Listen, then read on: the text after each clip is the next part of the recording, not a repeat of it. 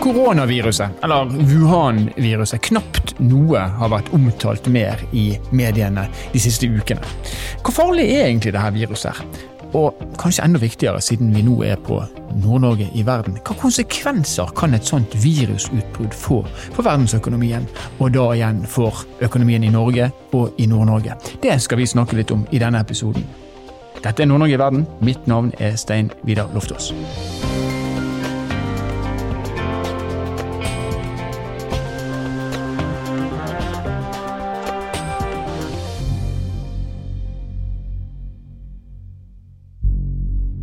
Let's get right to our top story the expanding outbreak of the deadly coronavirus. Coronavirus continues to spread. Authorities are saying the outbreak could peak in 10 days. 41 personer er bekrefta døde, og rundt 1400 personer har mista livet som følge av Tre fynske menn er i karantene i deres hjem efter å ha vært på preparing.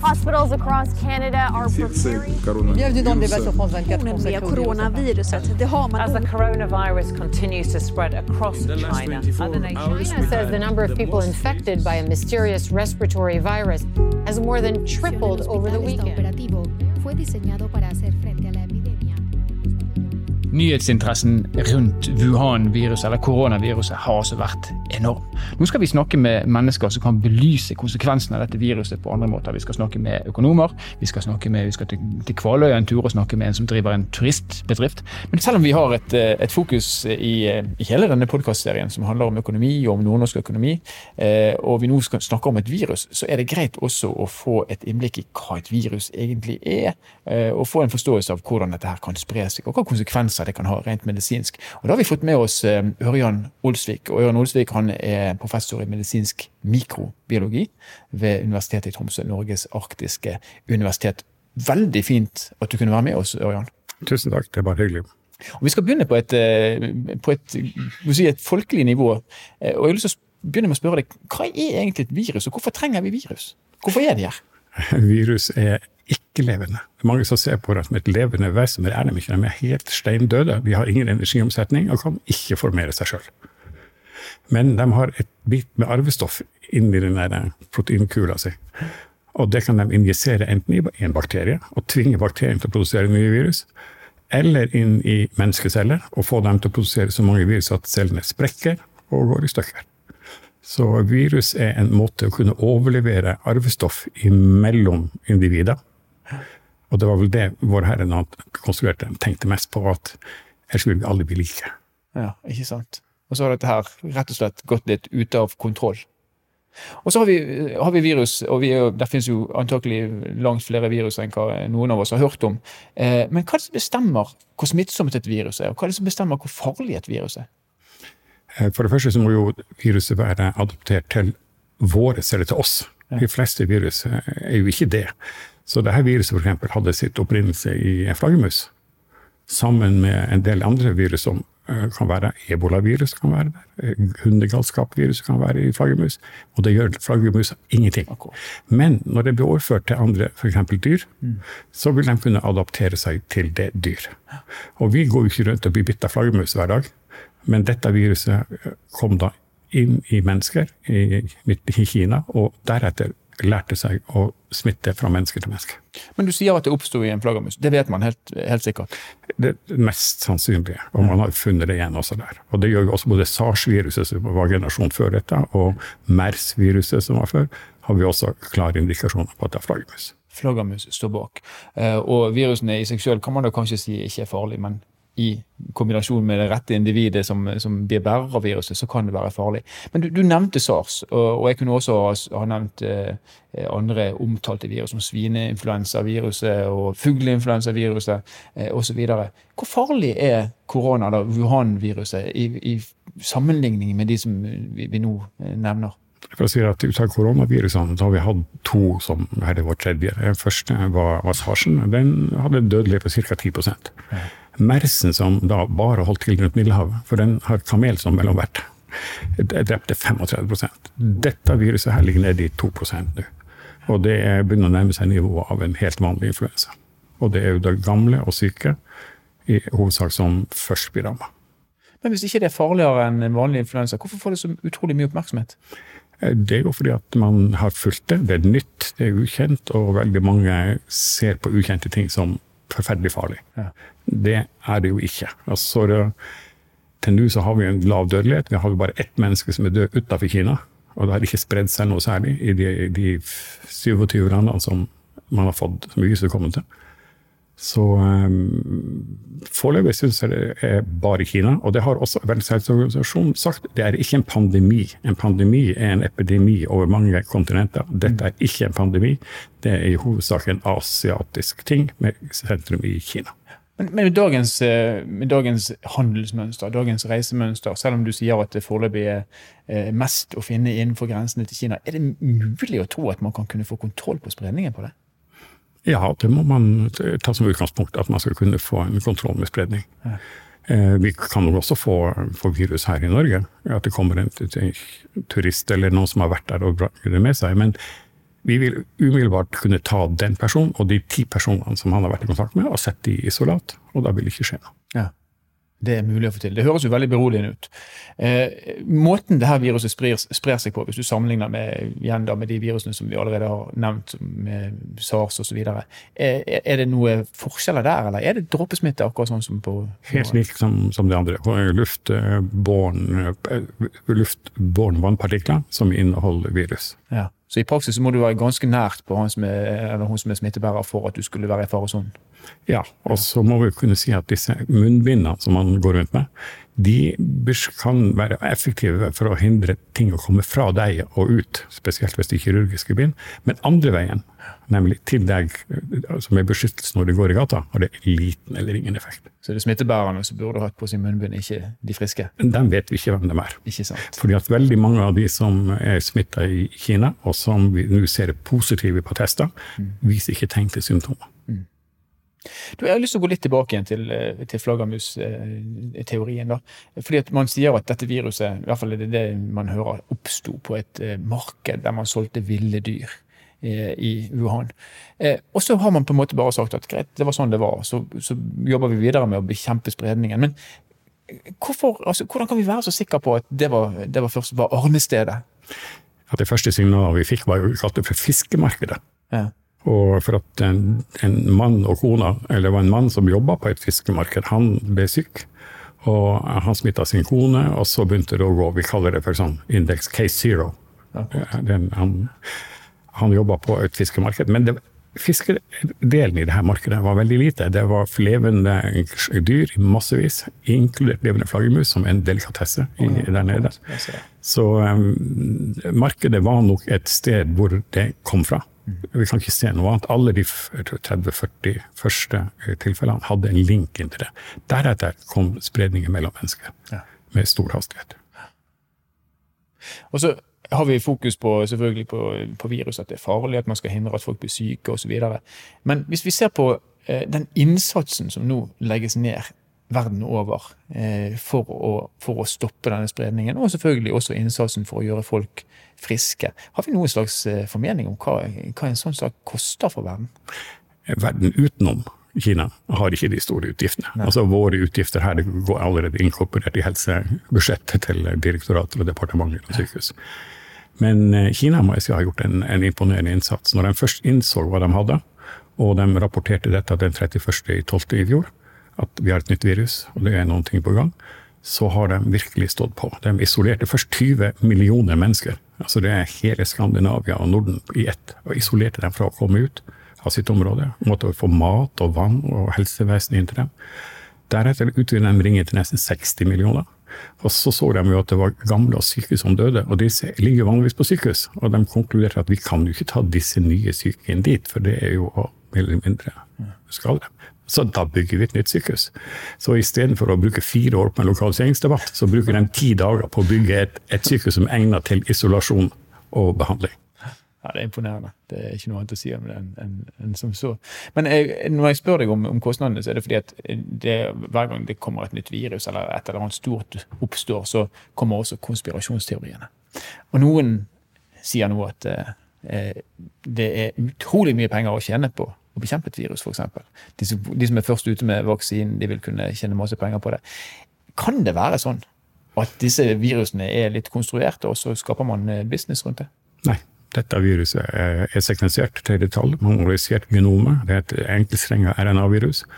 Og man kjenner igjen alle de elementene som har vært på de andre virusene. Og dette her er ikke et genetic engineering-sak, det kan jeg garantere. Så da legger vi den diskusjonen død med en gang for alle de som er glad i konspirasjonsteorier? Dette er ikke et biologisk våpen, selv om det oppfører seg som det. Ja, ikke sant. Og så har jeg litt lyst til å spørre deg før jeg slipper deg, Ørjan, fordi vi har eh, sett bilder av deg. Vi vet at du også eh, altså du er professor, men du jobber også for eh, internasjonale organisasjoner. Du har en offisersgrad, og du har vært i områder av verden der de har hatt utbrudd av særdeles farlige eh, sykdommer og virus. Blant annet så har du vært eh, og jobba tett på ebola og ebolaofre. Hva får deg til å farutsette deg sjøl eh, i en så ekstrem grad som man kanskje må, må, si at du gjør? Nei, jeg utsetter meg ikke for fare. Jeg, jeg kan det jeg driver på med. Jeg har aldri blitt syk. Jeg jobba i Atlanta ved Center for Disease Control og var ute på mitt første internasjonale oppdrag og fikk med en pakke med medisin. Jeg leverte alt tilbake når jeg kom inn og sa at jeg, jeg åpna den jo ikke. Se her, vær så god og så strengt meg sa Nobody ever opens the package. If you open it, you are absolutely unqualified to participate. Ah, ja. Så det, det, du må være picky, du må være nøyaktig, og du må vite hva du gjør. Men det du sier, det er at eh, det er fullstendig mulig å beskytte seg både mot eh, Wuhan-virus og farligere virus enn det? Ja, absolutt. Ja. Kunnskap skal man aldri underslå effekten av. Tusen takk for at du kunne være med oss, Ørjan Olsvik professor i medisinsk mikrobiologi ved Universitetet i Tromsø, Norges arktiske universitet. Tusen takk.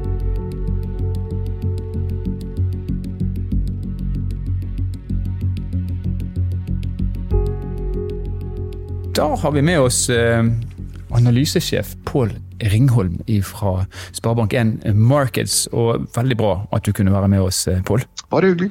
Og hvis, altså, du er jo, jeg skal ikke si du er mest kjent for, men du er bl.a. kjent for å være en av de som eh, var tidligst ute med å varsle om finanskrisen for noen år siden.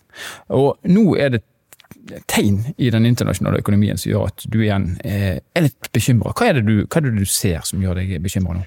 Ja, jeg har to tanker i hodet samtidig, da, det må jeg sies.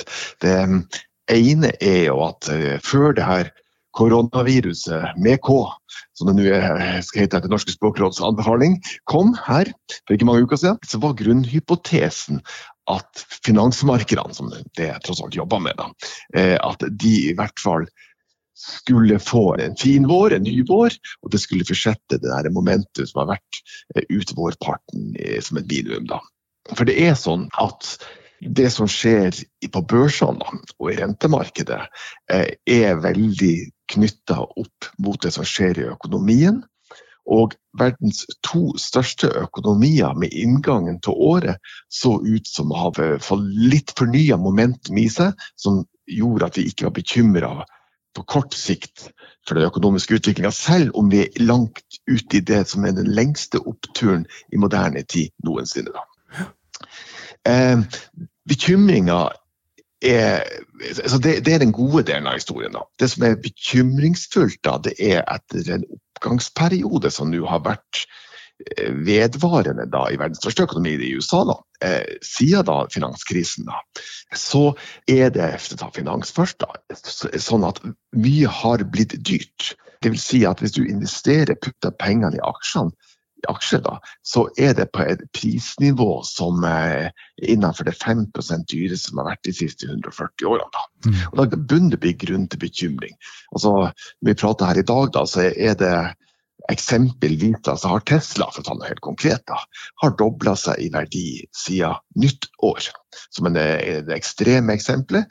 Men når ting blir dyrt, så tåler du gjerne mindre uflaks. da. Og, mm. og, og, når ting er dyrt, så er det, kan, man begynne å tenke seg tanken at hva er det som skal skje for at ting går galt. da. Og En av de tingene som kan være det som tar oss, i hvert fall i første kvartal, det er det som skjer da i Kina, og et, en virusspredning som altså ref. dagens oppdaterte tall, eh, fortsetter med full kraft. Men Hva i all verden har et virus med verdensøkonomien å gjøre? Nei, ikke sant. Hva i all verden har det med det å gjøre?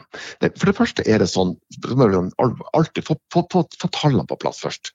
Hvis jeg sammenligner nå korona med SARS da, En ting er at det sprer seg mye, mye raskere enn SARS, da, men heldigvis mindre dødelig. Men så er det sånn at der Kina var i 2003 da altså SARS kom. I dag er de over dobbelt så store i verdensøkonomien versus de var i 2003. Mm. Nå etterspør de over 50 av, eh, av verdens aluminium, og de etterspør røftlig en tredel av verdens personbiler, altså det som blir kjøpt av personbiler i verden, versus en 8,5% i 2003. Sånn at det viruset skjer nå i en økonomi som er verdens nest største, og som er den største bidraget til veksten i verdensøkonomien. Da.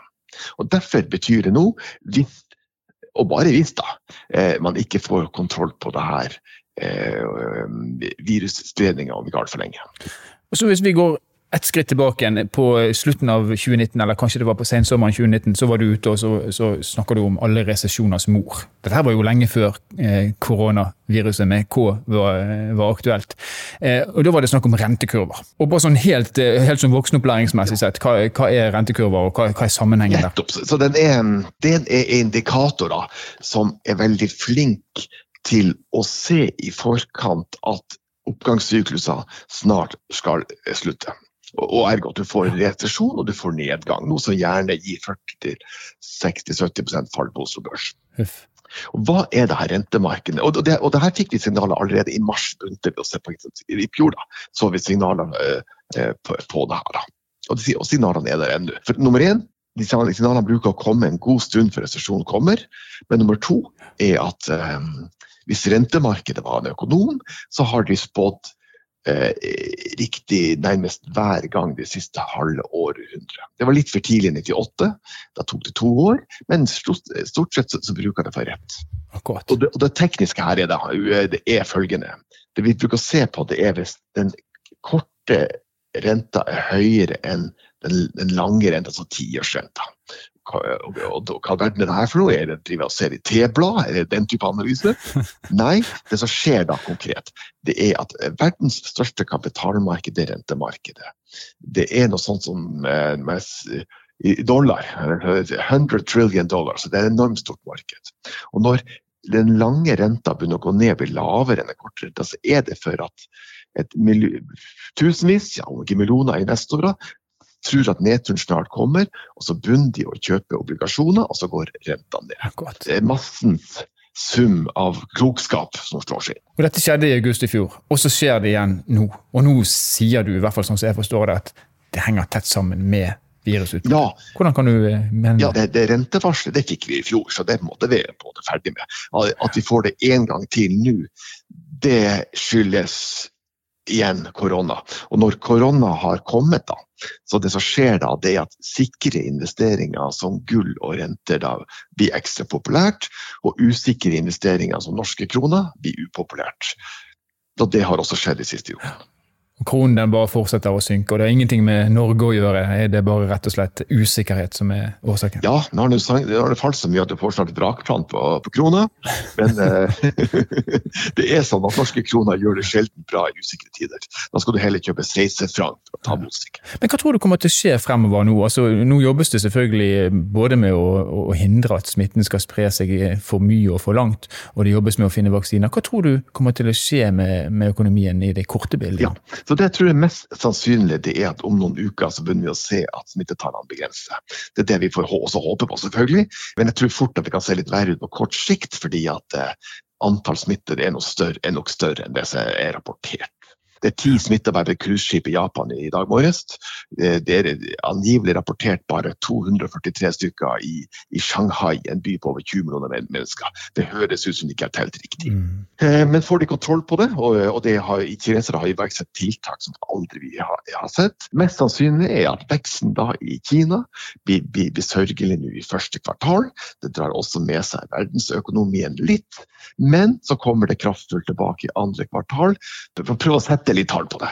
Det er forskjellige prognoser med inngangen til året, men de fleste økonomer tror at verdensøkonomien skal vokse et sted mellom 3 til 3,4 hva er det for noe? Jo, hvis du kan tenke deg nedgangstider, så er det typisk hvis veksten er under 2,5% Men hvis det jeg sa skjer, at økonomien kommer tilbake i andre kvartal, så blir kanskje verdensøkonomien redusert med 0,2-0,3 prosentpoeng. Så base case er da at vi unngår resesjon da, eh, umiddelbart pga. det som skjer her. Men risikoen er jo der selvfølgelig at noe annet skjer. ikke sant? Ja, og det, her, og det her er jo gitt at man får kontroll med ting. og Hvis man ikke får det, så kan man jo fremskrive kurven i, i feil retning. Men uansett eh, hvordan du snur og vender på det, Pål. du sier at eh, alle resesjoners mor har inntruffet da, to ganger på ja det er faktisk ikke mer enn fem-seks måneder.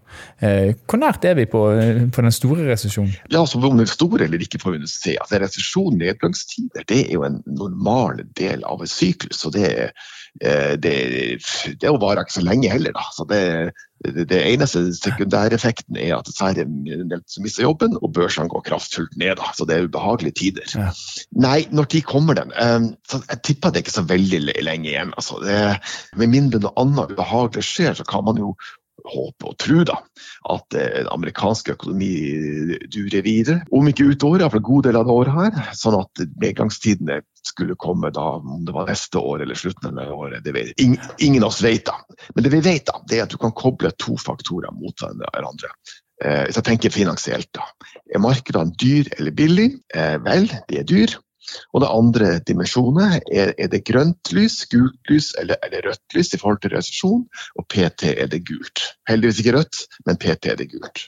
Så du er fortsatt egentlig da ikke, du er ikke superpessimistisk? Det er Nei, jeg er ikke superpessimistisk, jeg prøver bare å, å ha Nei som jobben er hver morgen her, å se tallene mot hverandre. her. Men når ting blir dyrt, så tåler du mindre uflaks. Det er det eneste. Så klart Det er fort gjort å lage et scenario på at uh, det, her, det, som skjer nå med korona, er mer alvorlig enn markedet har trodd, og så kommer det noe annet i tillegg samtidig. Da kan det få en helt annen situasjon. Mm. Tusen takk skal du ha, Pål Ringholm, sjefsanalytiker i Sparebanken Markets. Ha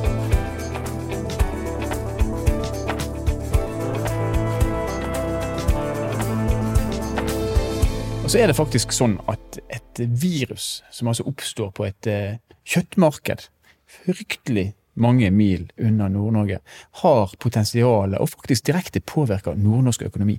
Og Hvorfor det er sånn, det skal vi få uh, et litt uh, bredere og bedre innblikk i nå vi har med oss eh, Jørgen Heggelund, som er, som er rentemegler i Sparebank1 Nord-Norge Markets. Og før du sier noe som helst, Jørgen, så tror jeg jeg starter med å si gratulerer med dagen. Ja, takk for det. Takk for det. Vi har et bursdagsbarn i studio, det skal ikke gå upåakta hen. Men fort over til eh, de harde realiteter, Jørgen. Du sier at eh, ja, et virus i Kina det påvirker faktisk til syvende og sist økonomien i Nord-Norge. Hvordan kan det ha seg? Nei, altså Den nordnorske økonomien er jo eh, for det første litt sånn eh, reiselivs- og eksportorientert. Eh, og Kina har jo fått en stadig viktigere rolle i den internasjonale økonomien sånn samla sett. Utgjør vel omtrent en femtedel av global BNP.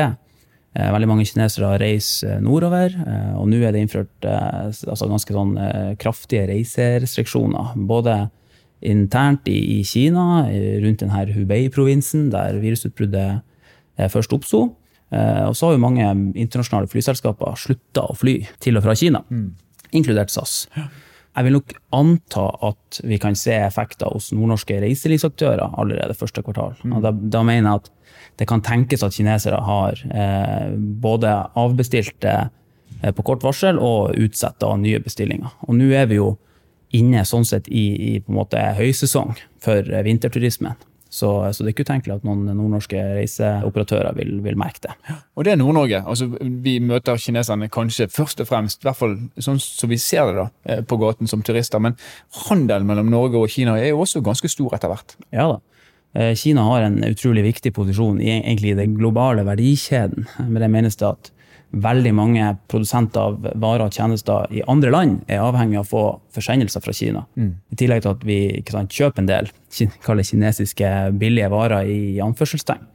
I tillegg er det jo verdens største importør, med et lite forbehold av eh, olje blant annet, og en rekke andre råvarer. Men, men, er det sånn at de slutter å kjøpe olje og andre råvarer bare fordi de er blitt syke eller har fått et virusutbrudd? Ja, du kan si altså eh, Hubei-provinsen eh, og Wuhan, der dette oppsto, er jo en av de viktigste hubene for olje og gass i Kina. Ja. Og der er jo ting nedstengt. Altså, vi vet at fabrikker er nedstengt. Vi vet at folk blir oppfordra til å holde seg inne. ikke sant? Og jeg leste noen tall i går på at de allerede har redusert importen av olje f.eks. Med, med 10% Oljeprisen har falt ganske betydelig siste altså siden utbruddet. Ca. 6-7 dollar per fat for den norske oljen, altså brent. Det får jo selvfølgelig betydning. da. Er det pga. viruset? Ja, det, det skyldes frykten for et langvarig negativt etterspørselssjokk. Altså rett og slett at den stansen vi ser i Kina skal vedvare. Den, den stansen i Kina, altså hva er det som skjer i praksis? Det som har skjedd i Kina i forbindelse med virusutbruddet, altså først og fremst så har kinesiske myndigheter de har forlenga denne kinesiske nyttårsfeiringa. Og det er jo en periode som historisk har liksom lav økonomisk aktivitet, for at folk har fri. Folk går ikke på jobb. Altså, det verken produseres eller selges noe. Når denne forlenges, ikke sant, så, så får du jo en lengre periode der det ikke produseres eller selges noe. Så folk eh, er, ikke, er, ikke, på jobb. Eh, I tillegg så er det mange multinasjonale selskaper som har fabrikker der, eh, og som har stengt ned sin produksjon. Og dette skjer ikke bare i Wuhan og Hubei, det skjer over hele Kina. Apple, McDonald's, Starbucks, alle disse som vi kjenner, Tesla nettopp åpna en ny flunkende fin eh, fabrikk, men har nå stengt den. da. Ja. Så folk går ikke på jobb. Og når jeg sier nedstengning, så mener jeg faktisk nedstengning. altså ting skjer ikke. Og, og hva, hvis, du, hvis, du, tar et, eh, Det blir jo kanskje en teoretisk tilnærming til det, men la oss si en uke uten produksjon i Kina. Mm. Hva, eh, hva, vil det ha å si for verdensøkonomien som sådan? Jeg så noen tall på det i går, at hvis halve Kina, da, og det er jo ganske mange folk, hvis halve Kina tar ei ekstra uke ferie, så betyr det kan det bety ca. 4 prosentpoeng svakere vekst på kvartalet. Og det betyr jo egentlig at du har negativ vekst første kvartal i Kina.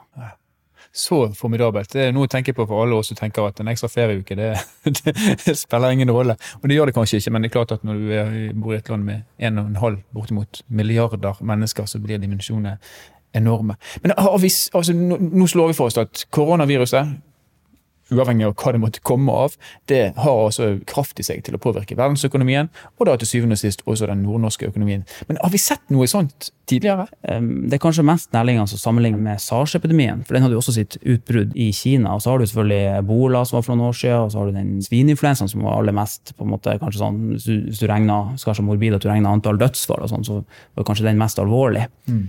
Men effektene da på norsk økonomi jeg skal våge meg på å si at de kanskje var mindre enn det vi kanskje kan forvente nå. Og det skyldes jo momenter som vi allerede har drøfta. Altså, kinesere har reist mye mer enn før. Ja. Så det utgjør en mye større del av penger som brukes av turister. Eh, større andel som, som, brukes av kinesere. I tillegg til selvfølgelig at Kina er mye større nå enn de var i 2003. Det er mye som skjer på 17 år. Mm. Så da de tidligere utgjorde altså det, Jeg har lest mange forskjellige tall på det, men et sted mellom 5 og 8% av global BNP, så utgjør de nå ca. en femtedel. Ja. Ja.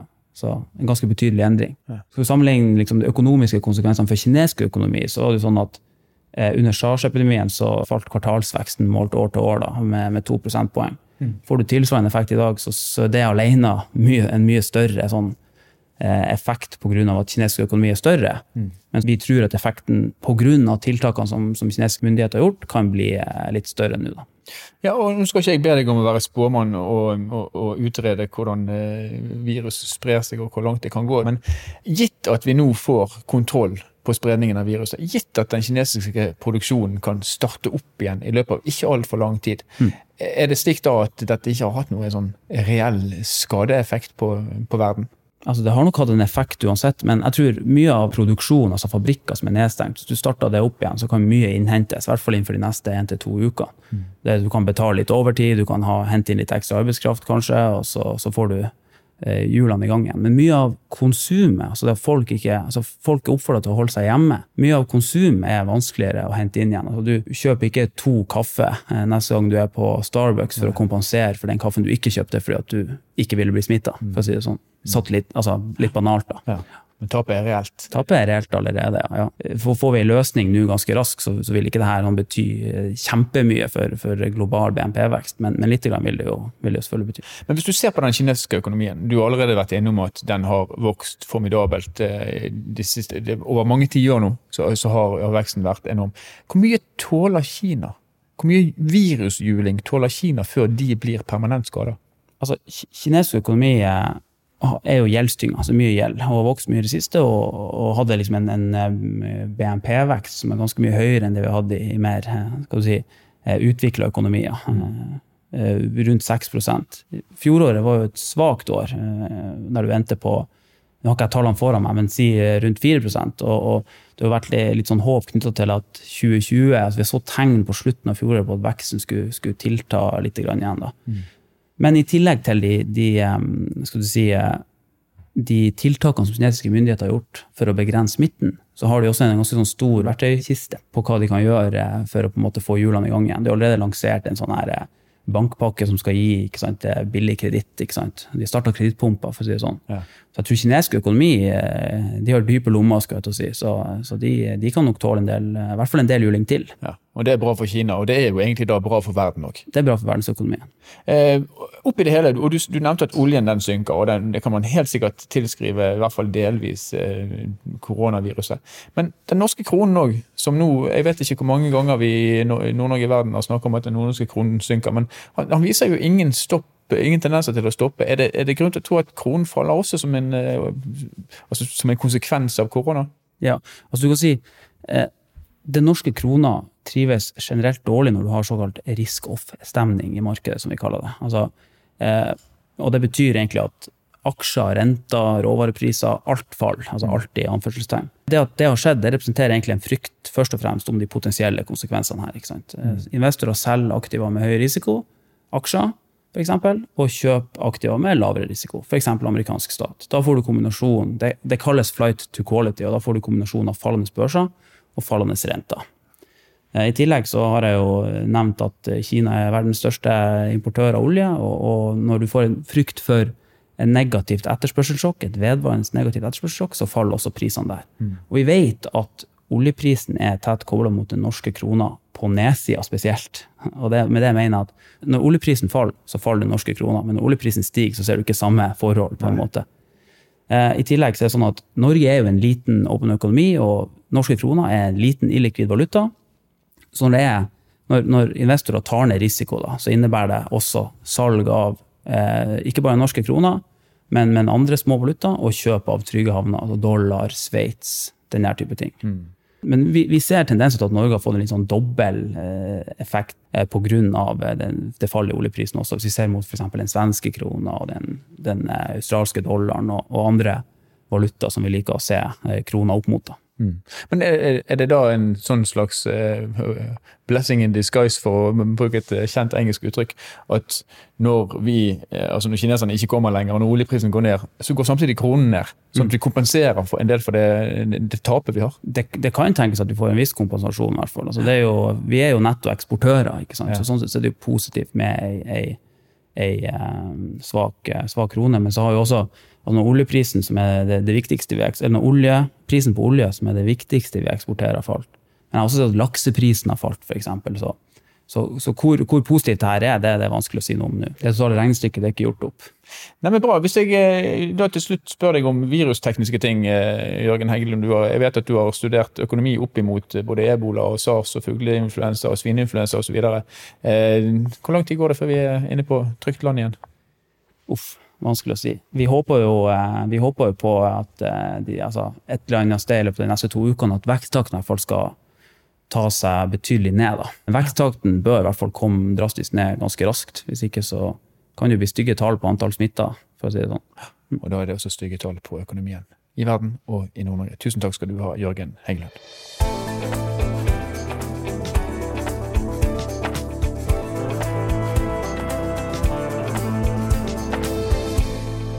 Jørgen Heggelund han slår altså fast at eh, virusutbrudd det har en direkte påvirkning på nordnorsk økonomi. Og kanskje først og fremst, eh, eller det enkleste eksempelet er kanskje reiselivet. Det faktum at eh, folk fra Kina de reiser mindre, eh, og kanskje også andre velger å reise mindre fordi man er redd for å bli utsatt for smitte av dette koronaviruset, eller Wuhan-viruset. Og Trine Risvik, du er daglig leder i Tromsø friluftsenter AS. og jeg forstår det slik at dere allerede merker at eh, færre kinesere velger å komme til, eh, til Tromsø, stemmer det? Eh, da, da, viruset egentlig kom, så merka vi jo at det var flere og flere som Det var veldig stor frykt for det her. Um, uh, og vi, var også veldig bekymra for hvilken påvirkning det her kom til å få for oss. Men vi ser jo at vi blir ikke direkte berørt pga. at vi er ikke underlagt gruppereiser. Eh, vi har mer av de her enkeltindividene som er veldig fokusert på at de ønsker til lokale aktiviteter, de ønsker å komme til familier, og det er de som på en måte sitter og velger sine turer eh, sjøl. Så vi har ikke hatt så masse frafall som det vi trodde vi kom til å få. Hvor stor andel av deres kunder kommer fra Kina? Vi har kanskje 40% av gjestene våre som kommer fra Kina på bussene hver kveld, så det er klart vi har en stor andel. Men det sier også om hvor masse enkeltindivider som driver og reiser, og som ikke kommer på charterfly til Tromsø. Hvordan er det med, med mennesker fra andre land? Ser dere eh, også en, eh, en, en lavere etterspørsel fra andre, som, som, en konsekvens, altså som man kan anta er en konsekvens av, av, dette virusutbruddet? Jeg kan ikke si at det har vært noe større påvirkning på andre land heller, egentlig. Det er klart, det er jo en frykt der ute, men i prinsippet så syns jeg ikke noen har vist eh, noe tegn ved reise ennå. Jeg vet ikke om folk ikke er så bevisst. Man begynner jo i lille Tromsø, så sitter man kanskje og tenker sånn Er det bare vi som hauser det her opp, vi som driver med turistnæringa? For det snakkes ikke så mye om det. De turistene vi har, de er eh, De virker ikke bekymra, og de virker heller ikke påvirka, og det er ikke et tema det snakkes om heller. Kan du si at dere er påvirka eh, direkte økonomisk av det som nå skjer? Nei, jeg syns ikke det. folk har jo forhåndsbestilt turene sine, og kommer jo til å komme i denne sesongen som vi har frem til 1. april. Og de som skulle ha kansellert, ville vi allerede ha måttet merke allerede nå, da. La oss nå si at kineserne kommer til å, til å utebli på lang sikt. Er det slik at uh, dere har kunder nok, altså kunder fra andre deler av verden, som vil steppe inn og ta de plassene, eller er dere helt avhengig av av eh, kunder fra den delen av verden? Nei, vi er nok ikke avhengig av de kundene fra den delen av verden til å på en måte overleve i, i bransjen. Eh, så jeg føler sånn sett at vi, vi er trygge. Vi får veldig mye folk fra Tyskland og Nederland og England og, og også USA og Australia, sånn at jeg, jeg tror jeg, jeg, jeg tenker ikke så negativt om det. Tusen takk for at du tok deg tid til å eh, være med oss, Trine Risvik, daglig leder i Tromsø Friluftsenter AS. Så da er vi litt klokere på mange måter. Vi har konstatert at eh, effekten av eh, koronaviruset, Wuhan-viruset, er også økonomisk. Helt åpenbart. Og så er det litt greit da å høre Ørjan Olsvik fortelle at dette her er ikke et spesielt farlig virus. Og han sier vel òg at han tror på at vi skal kunne klare å stoppe det.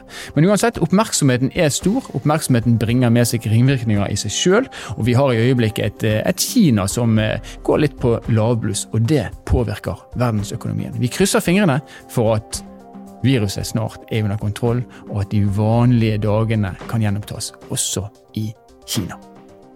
Nord-Norge i verden er en podkastserie som produseres av Sparebank1 Nord-Norge i samarbeid med Helt Digital. Musikken du har fått hørt, er laget av Emil Karlsen. Mitt navn er Stein Vidar Loftaas, og vi høres i neste episode.